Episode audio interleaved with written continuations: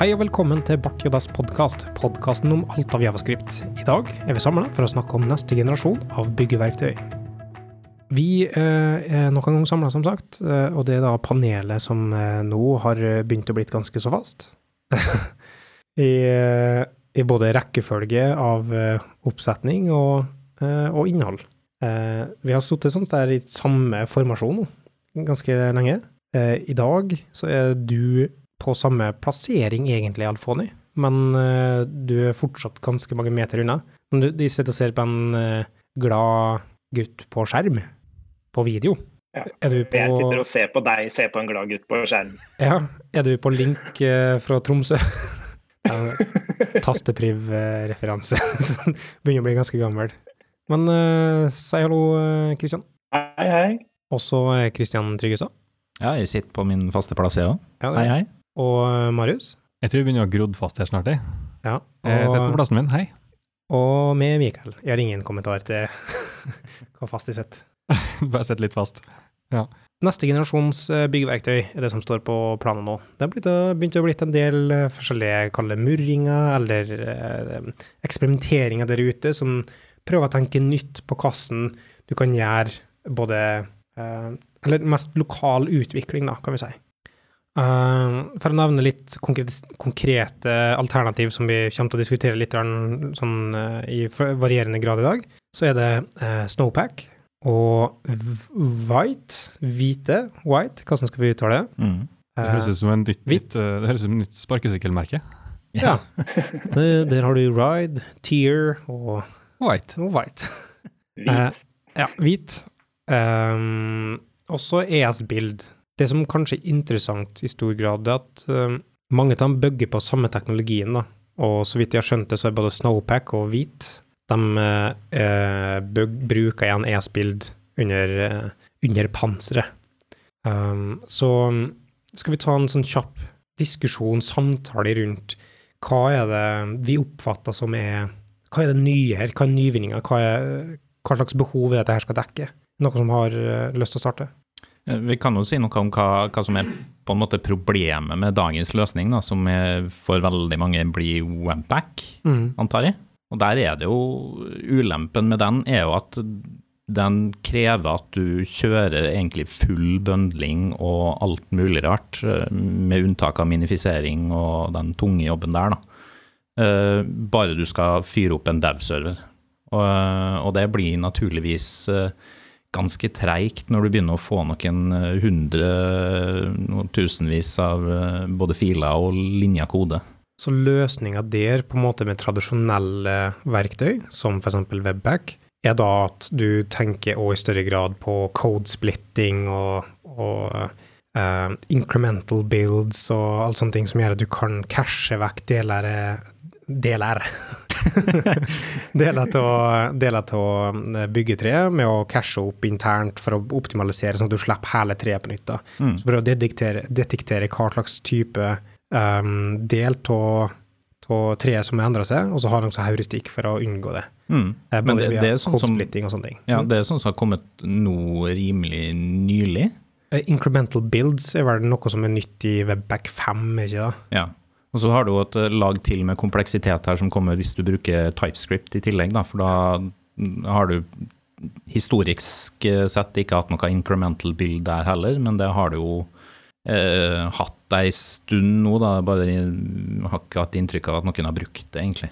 Ja, men det som forverrer sånt, som du sier, at TypeScript, og det har hatt eh, Ikke bare Jo, de har hatt incremental build en stund, men de hadde uh, lang periode kjempelang byggetid. Mm. Ting der tok ekstremt lang tid. Så det var liksom du kunne optimalisere på bygging på all slags mulig greier, men så lenge du brukte TypeScript, så tok det liksom 40 sekunder for hver gang du gjorde noe. Mm. Um, sånn er ikke verden akkurat nå, mener jeg, da. Det går raskere enn som så. Ja. Uh, det er vel fordi Babel tok over? Ja. Transpilering av TypeScript. Det var vel hovedgrunnen til at de fikk mer fart på det. Ja, Babel har tatt over eh, på det, men den trenger ikke å gjøre det. Gjør det, ja? Eh, du kan bruke TC direkte og, og, og, bruke utelukkende TypeScript uten Babel eh, på et visst nivå. Mm. Ja, jeg har stort sett brukt det uten Babel, i hvert fall. Mm. Men, ja. Men ok, det er en interessant tanke, da, for at allerede nå så begynner vi å snakke om sånn, ah, det er fullt av mange forskjellige sammensetninger av ting. Og så uh, finnes det en del ting, rammeverk og, og scaffolding-verktøy som, som, Create React-app og Create Next Nei, eh, ja, Next App, for så vidt, og, uh, med NextJS og Nux og uh, View har sin egen sånn Create View-app, sikkert, som, som kommer en del opinioner til defaults for hvordan du skal satte sammen alt der. Mm. Sånn at Babel skal brukes til å transpileres. Uh, og um, du har webpack gjerne, som ligger til grunn, som er ferdig konfigurert opp, for det er en fulltidsjobb å konfigurere opp uh, webhack hvis du skal få alt til å stemme på lag. Gjerne skal du ha støtte for uh, CSS og eventuelt CSS modules. Kanskje du skal kunne laste inn Jason, kanskje du skal kunne laste inn SVG-er, kanskje du skal laste inn andre typer assets. Kanskje skal du ha støtte for for codesplitting på en enkel måte, og dynamisk lazy-loader, moduler. Kanskje skal du ha støtte for andre typer måter å laste inn filer på. da. Så det er mange forskjellige plugins som du kan eller kan ikke velge å bruke. Eh, og så er mer og mer til bransjen standardisert seg på at ja, vi har det featuresettet her, og så kan du ha ekstra plugins eller presets med sett av plugins som du kan bruke inn de forskjellige, som gjør at de skal spille på lag. Var det en oppsummer grei oppsummering til bildet, eller er det flere eh, moving parts her? Jo, det, det, var vel en grei oppsummering, det, for så vidt. Og da toucha jeg inn på liksom type linting og sånne ting, for det blir en helt annen ting hvis du skal begynne å blande inn formaterer og lintere inn i det her i tillegg, da. Mm. Eh, men, men det her er selve bygginga av prosjektet. Og så tar det jo så, det jeg mener er viktigste poenget, at det tar sånn unormalt lang tid. Sånn hvis du skal f.eks. bygge en Next-app, da. Ja. Det, tar jo, det kan ta sånn 20 sekunder, eh, avhengig av maskinvare, da, å fyre opp Hello World eksempelet til mm. NextJS. Det er helt hinsides. Men det som er viktig å, å, merke der, er at det tar lang tid å starte det opp første gangen. Det kan ta 10 sekunder, 20 sekunder å starte opp første gangen, men etter det så står sånne ting som uh, fast refresh, eller whatever de kaller det nå, med, med, hot module, eller hot, uh, hot module replacement, står og kjører sånn at oppdateringa skjer ganske kjapt når du, etter du har starta opp første gangen. Så, så tanken det dere sier, da, begge to, eh, det med at du må bøndle hele settet og gjøre det om til en asset-fil i utvikling, og det at det tar til lang, altså konsekvensen av det er at det blir lang oppkjøringstid. Ikke å peke på en skjerm som føles helt uh, latterlig, men du ser vel at de peker på det, uh, Alfoni? Jeg ser det. uh, men det kombinert, der er det et behov som folk har følt på, da. Mm. Og den, den rom for optimaliseringer. Uh, og, det er et poeng til ja. til også, rundt um, hot module reloading. Den mm. blir tregere jo flere filer du har. Um, det er også en ting som er en utfordring med dagens løsninger. Men, gjelds... Det er kanskje ikke så mange som merker det, men uh, ja. den blir tregere i hvert fall. Gjelder det òg med sånn uh, nye implementasjoner som, som, skal være fast refresh? Jeg skjønner at det blir mer bibliotekspesifikt, så det ikke er nødvendigvis agnostisk på implementasjoner der, men ja, for fast refresh, det er noe React-stuff? Uh, ja. ja. Det er vel såpass nytt at det ikke er aktivert i Create React App, hvis ikke tar helt feil? Jeg tror ikke det er aktivert der, nei, men jeg tror det er aktivert i React Native, blant annet. Ja, det er mulig. Ikke helt sikker på det. Skulle sikkert ha visst det. Ja, jeg, jeg, tror det, jeg, tror det, går an å skru det på i Create React App, men uh, den er ikke på by default. Uh, men Vi bruker det, vi. Ja. I Cold Sandbox.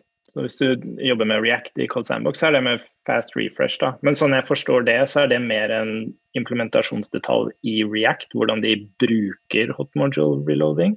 En, altså de, de, bygger opp hot module reloading på en mer effektiv måte. da. Ja, det er jo min forståelse at det er en, en biblioteksgreie, da. Så det er ikke sikkert det gjelder, eller det har den store effekten i, i det store bildet. Eh, men poenget er fortsatt at her er det mange som har følt på at og at den lyser kanskje gjennom i en, i, i, Det kommer ikke som sjokk for noen, men jeg er treg med å skjønne ting. det tar lang tid før jeg skjønner uh, årsaken på ting. Uh, og her så sitter jeg igjen med en sånn OK, det tar 10-20 sekunder å starte et prosjekt, som du gjør gjerne i starten av dagen din, og så har du det gående for det meste utover dagen, i mange tilfeller. Og det skal fordre at du legger på et helt nytt verktøy i tillegg. For det er ikke sånn at det her replacer noe. Det er bygd på toppen av Webpack og det er bygd på toppen til rollup, og det er bygd på toppen til mange andre ting. Så du øker kompleksiteten for å redusere og optimalisere for at du skal ta kortere oppstartstid, noe som du gjør sjeldent. Mm. Men, men, i tillegg så kutter du bort en ting også, da. Og så er det et enda større problem, da. Og det er at du distanserer deg i langt større grad fra produksjonsnær kode. Ja. Så du kompliserer da i praksis. Uh, og du skal forklare hvorfor jeg tenker det etter hvert, da.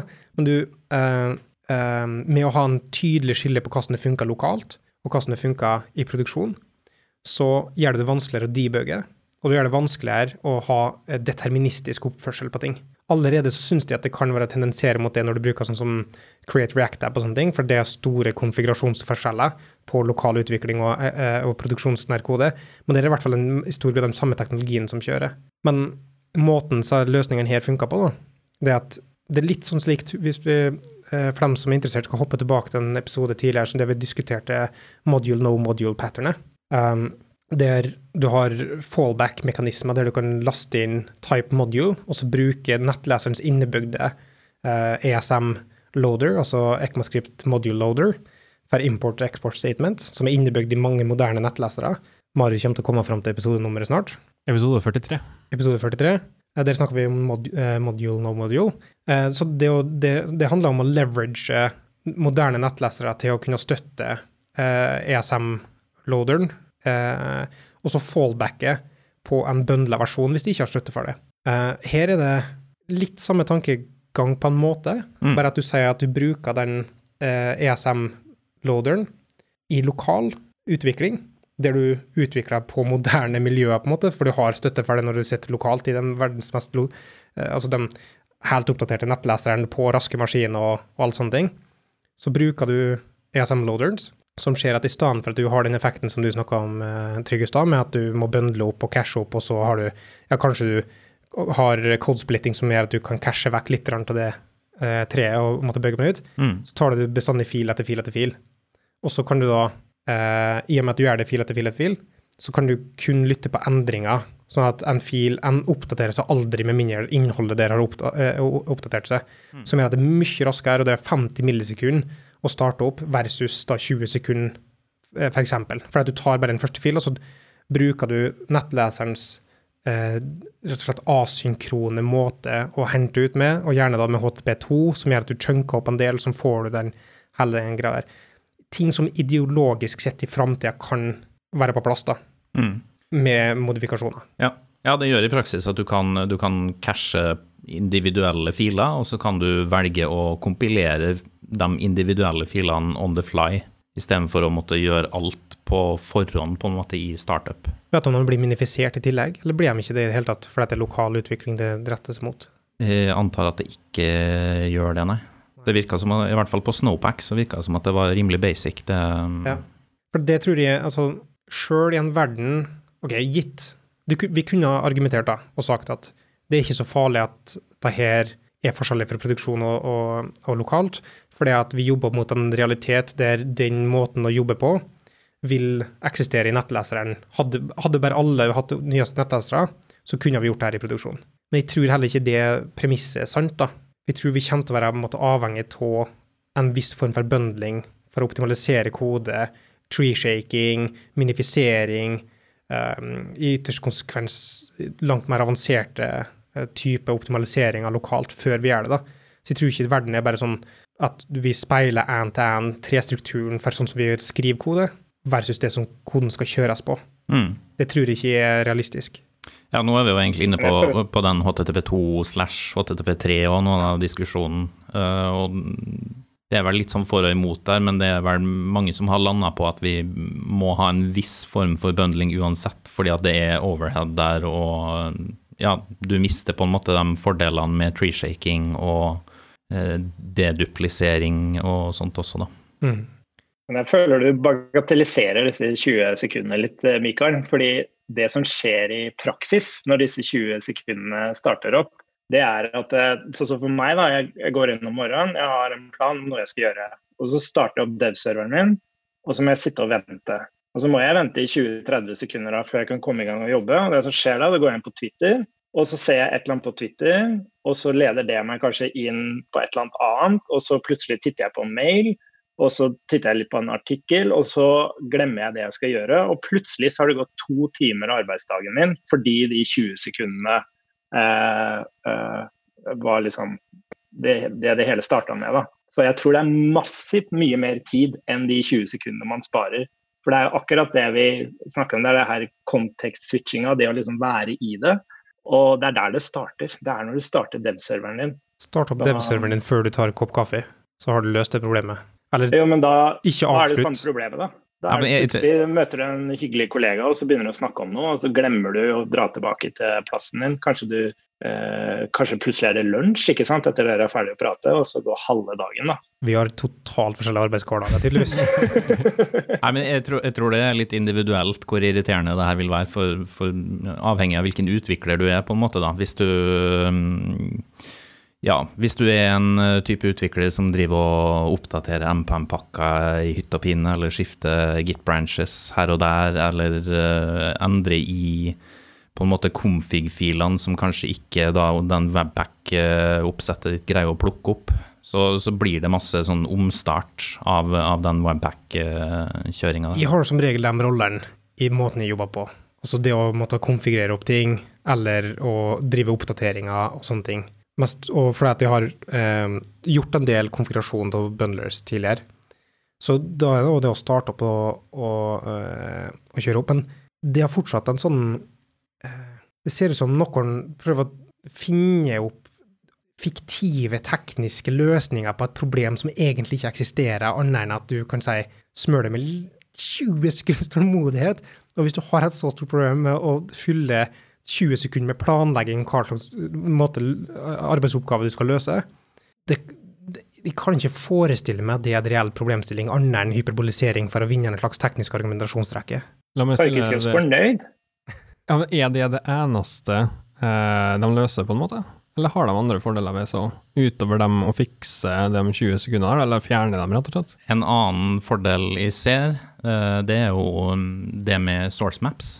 Mm. I hvert fall hvis du ikke bruker TypeScript. da. Hvis du skriver koden inn i ren javascript, så har du plutselig ikke behov for source maps i det hele tatt når du sitter og utvikler lokalt. da.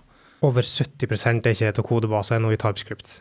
Så, så ja, ja altså det, det argumentet da. forsvinner litt, da. Ja. Men i hvert fall hvis du greier det uten source maps, så er det ganske, ganske kjekt, da, for du kan uh, få noen problemer med source maps. Ja, ja, definitivt. Det har blitt bedre, men det er på en måte fortsatt ikke superbra, nei. nei. En annen fordel er at det er opinionated i stor grad. Det, de, abstraherer vekk webpack, så du kan se på det som et alternativ til dem som har spekka opp uh, ferdig konfigurasjonssett i webpack, på samme måte som det er her, da. Så f.eks. med Snowpack så får du det som jeg snakka om tidligere. Du får eh, CSS, og du får CSS modules, og du får SVG-import, du får Jason-import, du får eh, TypeScript og sånne ting. Alt det er ferdig satt opp som en, en opinionated måte for å konfigurere opp ting, og så abstraherer du vekk og bruker hele Webpack som en konfigurasjon, eh, som en verktøy i, i, i, eh, på underflata, da. Mm. Så hvis en ser på det på den måten, så eh, blir det litt mer spiselig for min del. At du, det er et verktøy som er bygd på toppen av andre verktøy, for å forenkle bruken av det og ha mer forutsatte regler for hvordan ting skal fungere. Mm. Hvis du skal på en måte si hva Snowpack eh, erstatter da, i forhold til det du har i dag, på en måte. Altså Hvis du har et uh, React-prosjekt, så kjører du kanskje Create React App. Mm. Og da vil Snowpack være på en måte en erstatning for React Scripts, da, som er den pakka du driver og spinner opp hver gang du kjører Yarn Start eller NPM Start. ja, det er slik jeg leste det, da. Eller slik jeg har tolka det. Mm. At det kan være en mer en erstatter for det. Jeg vet ikke om du er enig i det, Alfoni? Nei, jeg, bare, jeg blir helt sånn sjokkert av ja, den motvilligheten, at dette ikke er bare én ens gode ting, liksom. Det er litt det her eh, Eh, sånn som vi argumenterer noen ganger om gode, gamle dager, der du kunne starte en HTML-fil, og så kunne du bare skrive i vei. og eh, liksom Den gode, gamle opplevelsen av å utvikle på web. da. Det her er jo, tar jo oss den veien. da. Eh, at det skal føles som du bare OK, nå starter jeg prosjektet mitt. Du starter fila, du er i gang og begynner å jobbe. Og så, bare, og så vil du aldri, Uansett hvor stort prosjektet ditt er, så vil du aldri oppleve at ting blir treigere og treigere. og og de tinga der. Da. Jeg ser bare gode ting med det her. Altså. Ja, men er du helt ærlig på at du ser bare gode ting med det? Er, er det sant? Hæ? Ja. Jo, men jeg mener jeg, ser, For jeg tenkte på det, du sa det her med at det skiller seg fra produksjon og sånn, men det her er jo det her er jo ikke noe vi skal tenke på. Hvis noen lager et verktøy som gir den dev-opplevelsen som, som, man har her, og gir et verktøy for å bygge det for produksjon, så må de garantere at det fungerer på samme måte. Ja, men det er ikke det som er poenget mitt. Poenget mitt er at du sitter uansett med den konsekvensen av at du må feilsøke. Altså, du pusher ut en kode og så har du eh, logging og tracing på koden for å kvalitetssikre at eh, du får rapporteringer som er der. Men så er den koden som kjører der, dramatisk forskjellig fra noe du klarer måte, som kjører det i hele tatt. Og igjen, det er et problem fortsatt. Altså det er et problem fra før òg. Det er at det er forskjell lokalt og eksternt. Men distansen er mindre, da. Så min hypotese eh, er at det her vil eh, forverre det i større grad. Du, du kjører det uh, i produksjon, får en eller annen bugsnag eller, eh, eller Sentry eller whatever rapporteringsløsning som du har oppe, som har en stack trace, som har en konsekvens, som du skal prøve å reprodusere lokalt. Og så er det Nei, men det her er store forskjeller. Så du kan sikkert drive og kjøre opp produksjonsbild der og prøve å rekonstruere det sånn, da. Men for hvert steg du tar i differanse mellom produksjon, å drive med produksjonsnær kode, desto verre kompliserer det den, eh, den biten. Og det, desto større sjanse er det for at du ikke har kontroll på det du pusher ut. Hva, hva er, eh, er det noen konkrete eksempler på hva som kan skje? Altså, alle filene går gjennom de samme transpilerne, samme rekkefølge. Hva er det som, er det som kan skje, liksom? Altså, den, den, største risikoen her vil jeg tippe er, er selve bøndlinga. Og altså, når du har med, med uh, Altså, i prod så skal det være lazy-loada kode i splitta i mange forskjellige bundles, mens lokalt så har du egentlig ikke noe forhold til det i det hele tatt. Og der er det en differanse som kan potensielt føre til noe bugs, da, ser jeg for meg. Men, det er kanskje produksjonsbilden som egentlig er problemet, og ikke ja, nei, nei, nei. Problemet er at du ikke fanger opp problemet før du pusher koden. Det at du må fange opp problemet eh, i prod. Eh, og det kan være at det er produksjonskoden som er problemet, men så lenge du da har pusha ut det, så er det ditt problem. altså, igjen. Jo, ser det. Men tror du ikke det ville vært de samme problemene vi har i dag? Kanskje, men det, men, det, er større eh, Igjen, dette er kun synsing og ikke noe empiri som ligger bak det i hele tatt. Eh, og det er kun eh, sånn magefølelse og, og potensielt en, en, frykt for nye ting. Eh, men til større distanse, større sjanse. Ja, jeg, jeg, altså, jeg, jeg ser poenget ditt, da. Det er valgkampen min feil. men, men, jeg tenker jo at, at, den situasjonen vi har i dag, med at vi kjører unminified og kanskje untree-shaken også, um, i dev, og så kjører vi uh, i mange tilfeller en 20 minutters byggejobb på en CI-server der vi kjører gjennom alt det her, og så kommer det noe ut. Uh, det så er det ganske Hvis du tar en diff på, på, det du har lokalt og det du har i prod, så er det en ganske stor forskjell. Ja, det er det. Altså, jeg sier at det er et problem vi allerede har, da. Ja. Men dette gjør det ikke en mindre problem. Nei, det gjør det ikke. Og så da må på en måte vinninga eh, bli større da, enn kostnaden. Mm. Uh, og hvis det er... I hvert fall når feilen dukker opp, så går det i hvert fall veldig fort å starte opp. ja, det er sant. Så da ja, får det, du respondere i 20 sekunder. Det går veldig kjapt å verifisere om bugen eksisterer i dev også. Ja. um, jeg tror at du Igjen, hypotese, dra det ut fra tynn luft, men du kan samle opp alle de ti sekundene du sparer i løpet av et år, og så trenger du kun én feil som skjer i produksjon, som skjer lokalt, som du ikke klarer å feilsøke deg fram til, så har du spist opp den hele delen av de fordelene du har spart med oss at det starta opp tidligere. Det som er så fint, da, er at uh, det er veldig enkelt å komme seg bort ifra f.eks. sånne ting som Snowpack. Det skal visstnok gå eh, på sekund. Så da kan du jo bare bytte over til Webpack, og så kan du jeg elsker den sånn mikrooptimaliseringa av ting, sånne, sånne ting som du gjør så sjelden, skal gå så fort. ja, ja, det er viktig at ting går fort. Nei, altså, Jeg prøver jo egentlig bare å snakke litt positivt eh, om det her, sånn at vi ikke snakker det mm. skikkelig ned. Nå, ja. Du er flink til å snakke deg opp, Alfoni.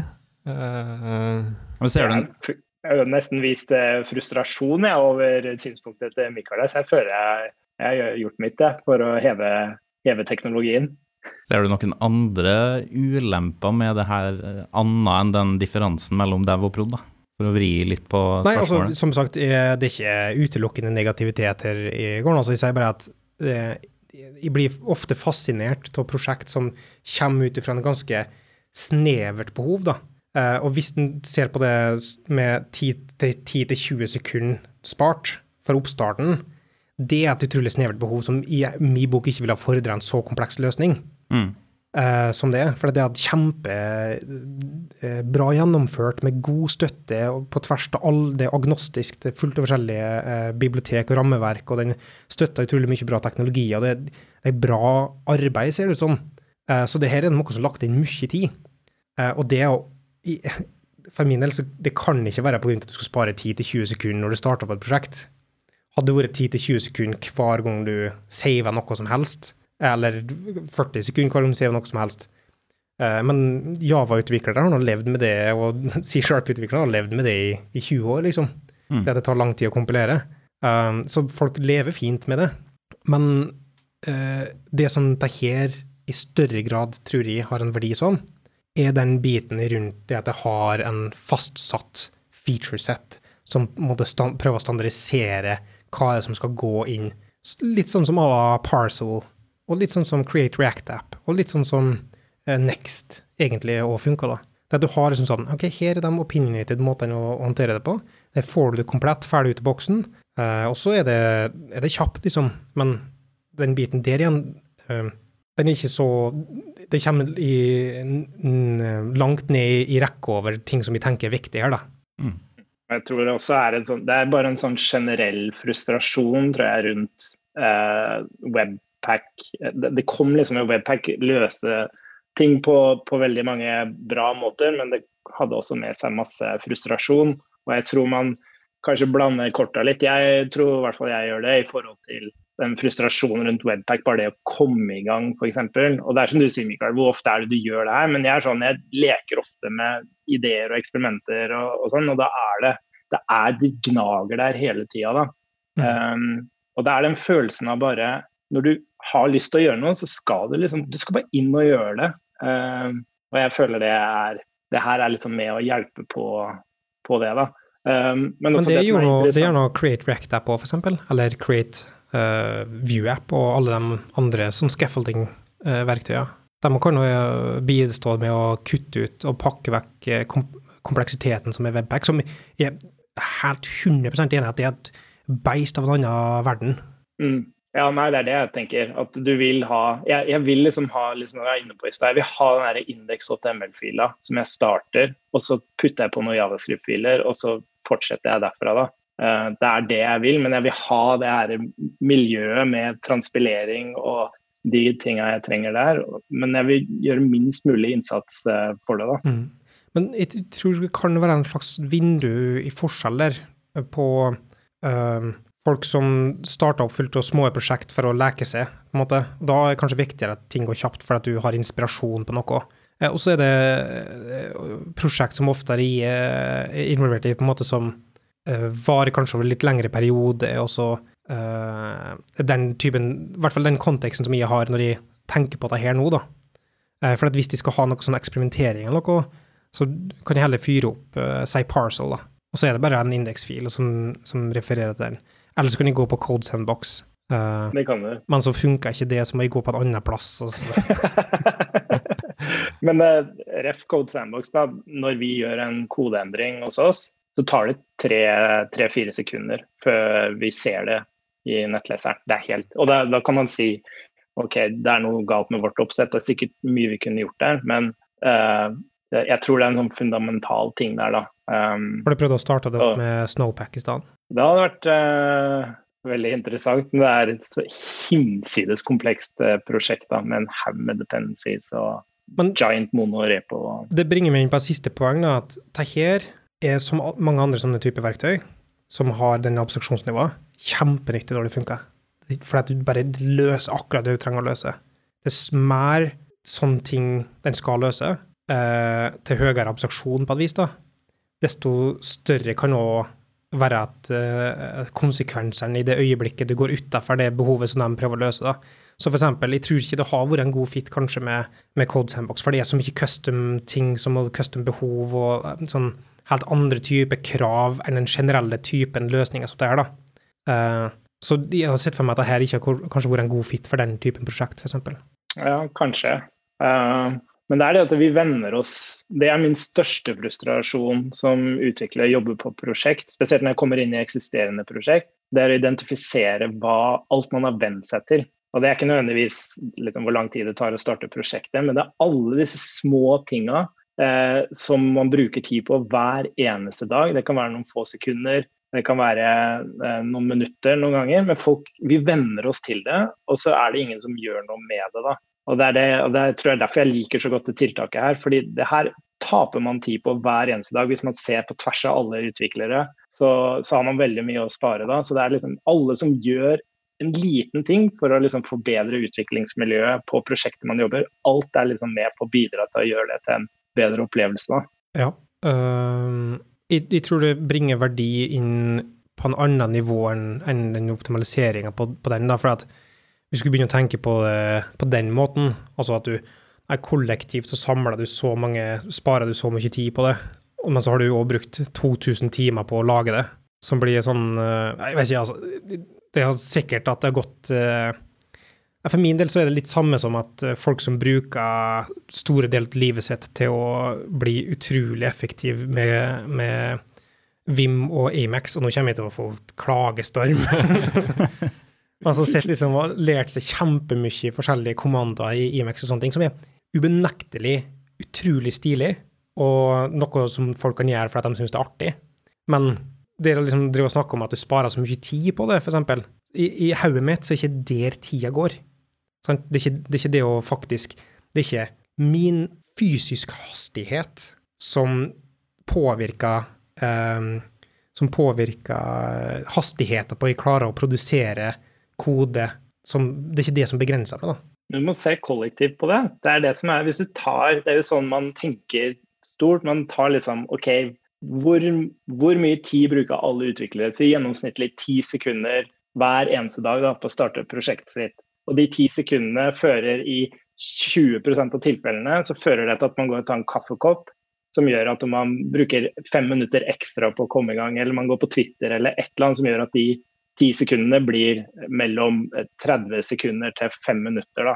Og det er liksom og så tar du det hver eneste dag. Og hvor mye tid er det som går tapt i løpet av et år på å jobbe på et prosjekt på å gjøre det der. For én en enkelt utvikler så er det ganske mye, men hvis du tar det for et helt team, for et helt konsulentselskap, for eh, nasjoner, eh, ja, kontinenter. ikke sant? Hvis du tar det helt ut, så er det helt vanvittig mye tid vi sparer på, på disse småtinga. Tenk på hele verden da, Kristian. Ja. Tenk på hele verden. Ja. Jeg har et jeg hadde, spørsmål Ja, vær så god, Kristian. Jeg skulle bare si jeg hadde en, en PR til Style Components her. Fiksa en liten typing, uh, typescript issue der, som gjorde at uh, fra man liksom endra på propsa til man fikk autosuggestion, så gikk det fra, liksom, fra å kunne i store prosjekter ta liksom to-tre sekunder til å være ett sekund. da. Og det er sånn, Jeg tenker oi, shit, nå! Tenk så mye tid jeg har spart globalt i hele verden på de som bruker style components og, og TypeScript. Så jeg tror det er definitivt verdt det også. Jeg tror det er en annen, jeg tror det er et annet tankesett på det der, da. For det første syns jeg er syltynn argumentasjonsrekke. Men øh, folk har forskjellige, øh, forskjellige, prioriteringer, da. Men øh, ja, for, for, deres del så kanskje det, de er, det er verdt det for dem å spare inn 10-20 sekunder, men fra konsumentsida så det å spare 10-20 sekunder for min del, eller for mitt team, er verdt det kanskje men sannsynligvis ikke hvis risikoen for å bruke det blir høyere fordi du har en høyere kompleksitet. Sant? Så jeg tror det er perspektivforskjeller der, da. Jeg har et eh, spørsmål på tampen av episoden, og det er Vi har jo kalt episoden for neste generasjons eh. Uh, Bygge, byggeverktøy. Ja, det er det vi velger å kalle den. Ja, ja hørte det her først. Uh, nei, det gjorde du ikke. Uh, hvis du går et halvt år, eller dere går et halvt år tilbake i tid og prøver å tenke etter, hvis dere skulle sett for dere hvordan neste generasjons byggesystem skulle se ut, var det det her dere så for dere at det kom til å ta tak i? Liten, jeg har en liten uh, Kall det en form for digresjon der, da. Ja. For uh, jeg syns det er litt artig at det, vi kaller det her neste generasjons.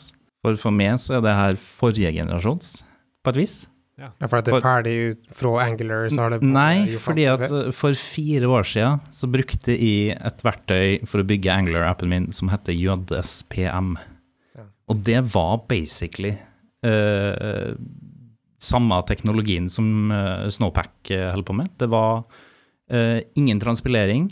Du bare pumper JS-filene rett ut i nettleseren, og så gjorde den et eller annet magi som bare fikk det her til å, å system, funke. System imports. Ja, og System JS og mm. JSPM heter Og det var For meg så var det kjempekult den gangen. Det stoppa rimelig fort å være kult, fordi at det var jo ingen bundling der. Det var ingen uh, tree-shaking eller noe når du kjørte i dev, så den endte jo opp med å dra inn 11 megabyte med, med tredjepartsting og ting vi hadde skrevet sjøl. Mm. Hver gang du trykte F5, så fikk du hele den der mølja der. Da. Og det, det, var tungt til slutt. Men her så er den for så vidt neste generasjon fra den tankesettet, ja, da. Ja, det blir jo sånn det. Sett. Ja, for vi har gått litt videre. Nå er det native ESM-støtte, og det er HTTP2, som ikke var den gangen heller. Så, så, vi har på en måte gått litt tilbake, men også litt fram, da, for å si det sånn. Mm. Men igjen, reiterer um, Her så bruker han støtta seg på eksisterende eh, bøndlere. Så det her er egentlig ikke en bøndler, og derfor er det byggeverktøy. Mm. For den, den, ligger på, på, en måte på toppen av bøndlere, men så ender det opp med bøndling her. Så den bruker, den, den bruker rollup, den bruker ES-bild, den bruker webpack hvis du har plugins, du kan velge mellom forskjellige plugins. Så den er ganske adaptable, den er ganske agnostisk med forskjellige teknologier. da. Så det, det, det er um, utrolig interessant stykke arbeid, og det, og det, er god dokumentasjon, og det er verdt å gå inn og lese og se hvordan ting funker. da. Mm. Um, så jeg tror um, igjen, uansett et i hvert fall Snowpack da, spesifikt, interessant verktøy som en opinionated, styrt um, uh, CLI for hvordan du skal håndtere et prosjekt hvis du har et prosjekt som passer innenfor den normen som er den moderne arkitekturen i dag. Da. Men eh, For å svare på spørsmålet om det var akkurat det her jeg hadde sett for meg, så jeg hadde sett for meg at liksom neste generasjon byggeverktøy skulle være mye raskere. da.